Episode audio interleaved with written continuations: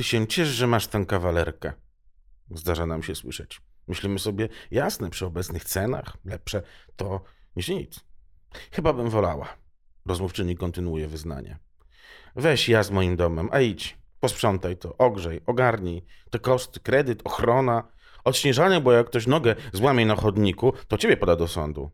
Mm, Albo byle głupia rynna urwie się czy polozuje, a już wzywasz fachowca. Liście do posprzątania, krzewy do przycięcia, że już nie wspomnę, co się dzieje, gdy studzienka wywali w piwnicy. A ty masz miło, sucho, ciepło. Mm. Kupisz sobie w żabce tych kilka bratków na balkon i będzie ładnie. U mnie przy moim metrażu ogrodu zginął. Bo to dendron albo hortensje. I to takie odchowane kilkuletnie musiałabym zasadzić, żeby w ogóle było coś widać. Rzeczywiście. Jest ciężko. Ale spróbujmy naszą dyskutantkę, chociaż w sumie się nie odezwaliśmy, był to monolog, zrozumieć. Wszak ma syndrom znany pod tytułem Spróbuj żyć tak jak ja. Tu Michał Zaczyński i mój nowy podcast. Jak wytrzymać z ludźmi.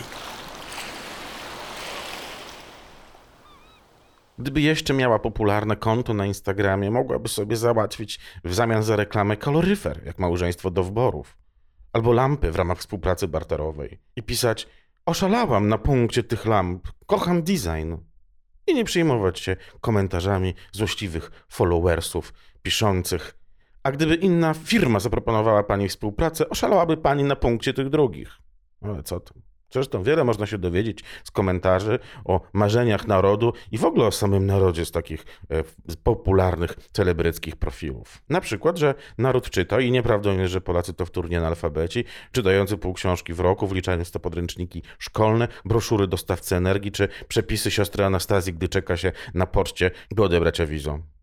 Jeżeli nie byłabym tym, kim jestem, to byłabym na przykład zawodowym recenzentem książek, o ile taki zawód istnieje. Już nawet widzę siebie w tym fotelu, pod kocem, z kawusią, piszą fani popularnych postaci polskiego show biznesu. Chociaż o jej jest taki zawód i nazywa się krytyk literacki. I brak tej jednak mocno podstawowej wiedzy może poniekąd kwestionować zamiłowanie do literatury, ale nie czepiajmy się, mamy ważniejsze zmartwienia na głowie. No bo aż przykro i uczcijmy to chwilą ciszy że na takie bartery nie załapali się legendarni państwo od blogogodów. Też chcieli zmonetyzować swoją popularność, ogłosili swoisty przetarg na własne wesele i podróż poślubną. Sprawa, jak to się mawia, stała się medialna. Ostatecznie IKEA wynajęła swoją stołówkę na klopsiki dla weselnych gości. Wizer bodajże zesponsorował lot. Ktoś za darmo wykonał zaproszenia. Skromnie trochę powiecie, może z własnych środków dałoby się coś z większym rozmachem uczynić, ale to nie wina autorów owego pomysłu, e, nowożeńców, że wówczas Instagram dopiero raczkował, triumfowała zaś blogosfera, którego zgodnie z nazwą blogogody oboje państwo młodzi byli częścią. Wszystko jest na sprzedaż, cytowali piosenkę demonodziennikarze, cytującego z kolei tytuł filmu Andrzeja Wajdy. Jedno z największych wydarzeń w życiu. Jako reklama natywna i treść sponsorowana to coś, czego nie kupuję, jednoznacznie stwierdzał copywriter z agencji Face Addicted. Nie z powodu mojej osobistej oceny, ale tego, że to po prostu wizerunkowy strzał w stopę, którego konsekwencje były aż nadto łatwe do przewidzenia. Perorował dalej ekspert, chociaż trudno powiedzieć, czy do przewidzenia. No bo prześmiewcze komentarze to jedno, ale miejsce na wykop.pl to jest w historii polskiego internetu zapewnione do końca życia, to już zupełnie inna rzecz.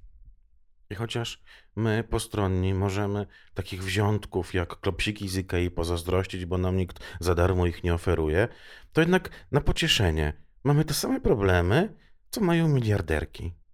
Też robią zakupy w warzywniaku. Też blat w kuchni zetrą. Też w ogrodzie coś pograbią. Nie wyróżniają się, są tacy jak my.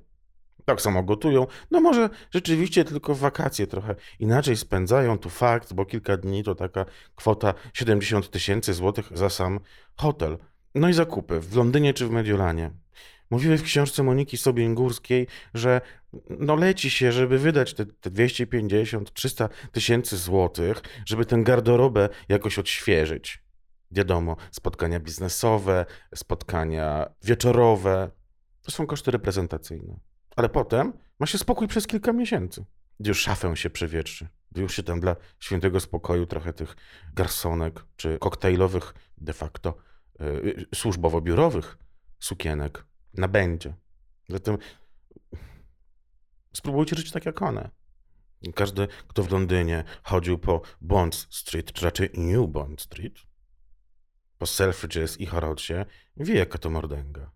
Każdy wie, że Monte Napoleone, Spiga i te wszystkie inne, poprzeczne i równoległe w Mediolanie to ciężka charuwa. Pięty sobie można zedrzeć. Pięty zdzierał sobie też mój znajomy, ha, nie jedyny zresztą. Ten to dopiero podróżował. Po pierwsze służbowo. Pracował dla firmy amerykańskiej robiącej komponenty czegoś tam. Tłumaczył mi, nie wiem, trzy razy, nie zrozumiałem. Atlanta, Fargo, Wichita, Tulsa, Charleston. Nie obce były mu nazwy lotnisk, nie obce były mu nazwy miast, nie obce były mu nazwy stanów. Rozróżniał Idaho od Ohio. Firma, jak na amerykańskie konsorcjum przystało, robiła też interesy z rozmaitymi podmiotami w innych krajach obszaru językowego. Kanada, Londyn, Hongkong. I tak latał, to nawet może trudno powiedzieć, czy jakby telepało nim w tych samolotach Delta Airlines, Southwest, American Airlines, Air Canada, w te i z powrotem i jeszcze raz na okrętkę. No cóż, taki zawód. Wiecznie na walizkach, wiecznie w hotelach. Co robił w czasie wolnym? Podróżował. A to Kinshasa, a to Ghana, a to Surinam. Bo to takie miejsca raz, że że nie był, dwa takie mniej oczywiste, bo, bo banalnie polecić na Malediwy i sobie odpoczywać, czy porządnie zwiedzić Rzym. Nie, zresztą jeden miałem takich znajomych, co pojechali raz do Sudanu. Już byli wszędzie w miejscach e, egzotycznych. Amsterdam czy Barcelona wydawały im się żenująco wręcz trywialne, więc wpadli do Sudanu. Niestety na miesiąc i nie wyszli z hotelu. W Khartoum akurat trwał tam przewrót e, stanu. Kraj się dzielił bodajże na dwie części. Opuszczenie hotelowego lobby mogłoby równać się z utratą zdrowia, jeśli nie życia. Eskortowani po miesiącu swojej afrykańskiej przygody, swojego safari, wrócili do dżdżystej, pochmurnej, sapiącej smogiem Warszawy. Odetchnęli, nomen nomen, z ulgą. Ale nie na długo. Tu jednak wracamy do mojego znajomego. W przerwach między Kinshasą i Londynem pojawiał się jeszcze Bejrut, Bukareszt, Belgrad, Budapeszt, żeby tylko wspomnieć o miastach na literę B. A nawet Bydgoszcz. Bydgoszcz też wtedy, gdy tylko miał pół dnia wolnego między tym kolejnym lotem do Atlanty a do Hongkongu. I żalił się znajomym. Ani czasu, by w domu przepierkę zrobić, ani by ogarnąć trochę chałupę, kurz zetrzeć, posprzątać, ani by się zrelaksować, lekturę poczytać. Tyle dobrego.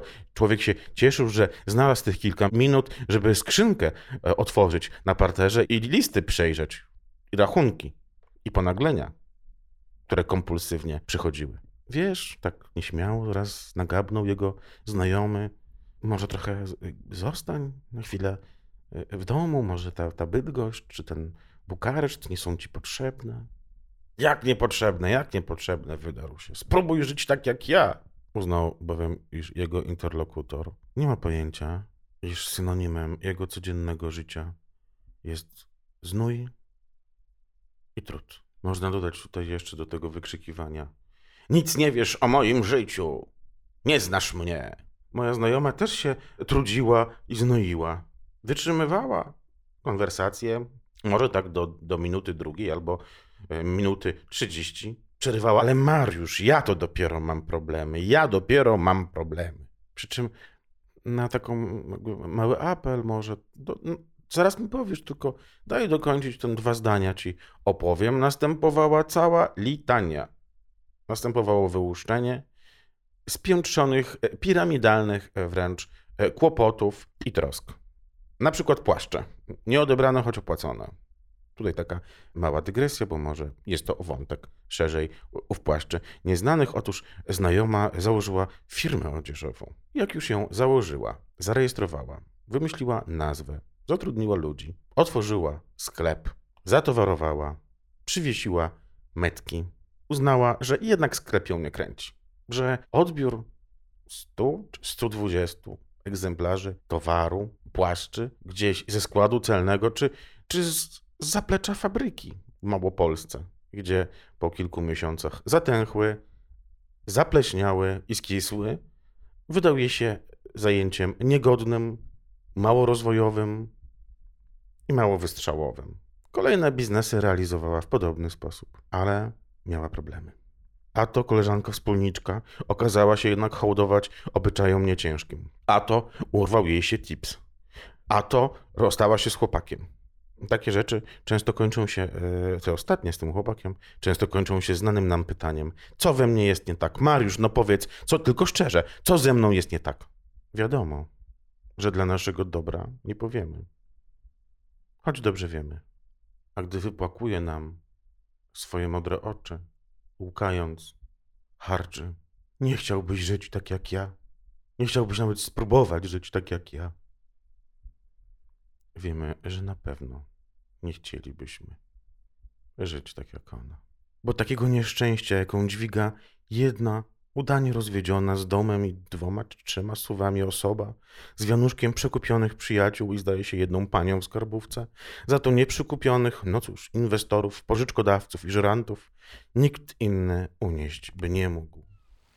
To był odcinek podcastu Jak wytrzymać z ludźmi, który najpewniej nie dał Wam odpowiedzi na to pytanie, ale może zachęcił Was do posłuchania kolejnych. Zapraszam na mój blog michałzaczyński.com niezmiennie od 2012 roku, a także na Instagram, byście zobaczyli sobie ładne zdjęcia i ładne stories i na Facebook, gdzie poczytacie moje bieżące komentarze. Subskrybujcie, słuchajcie, lubcie.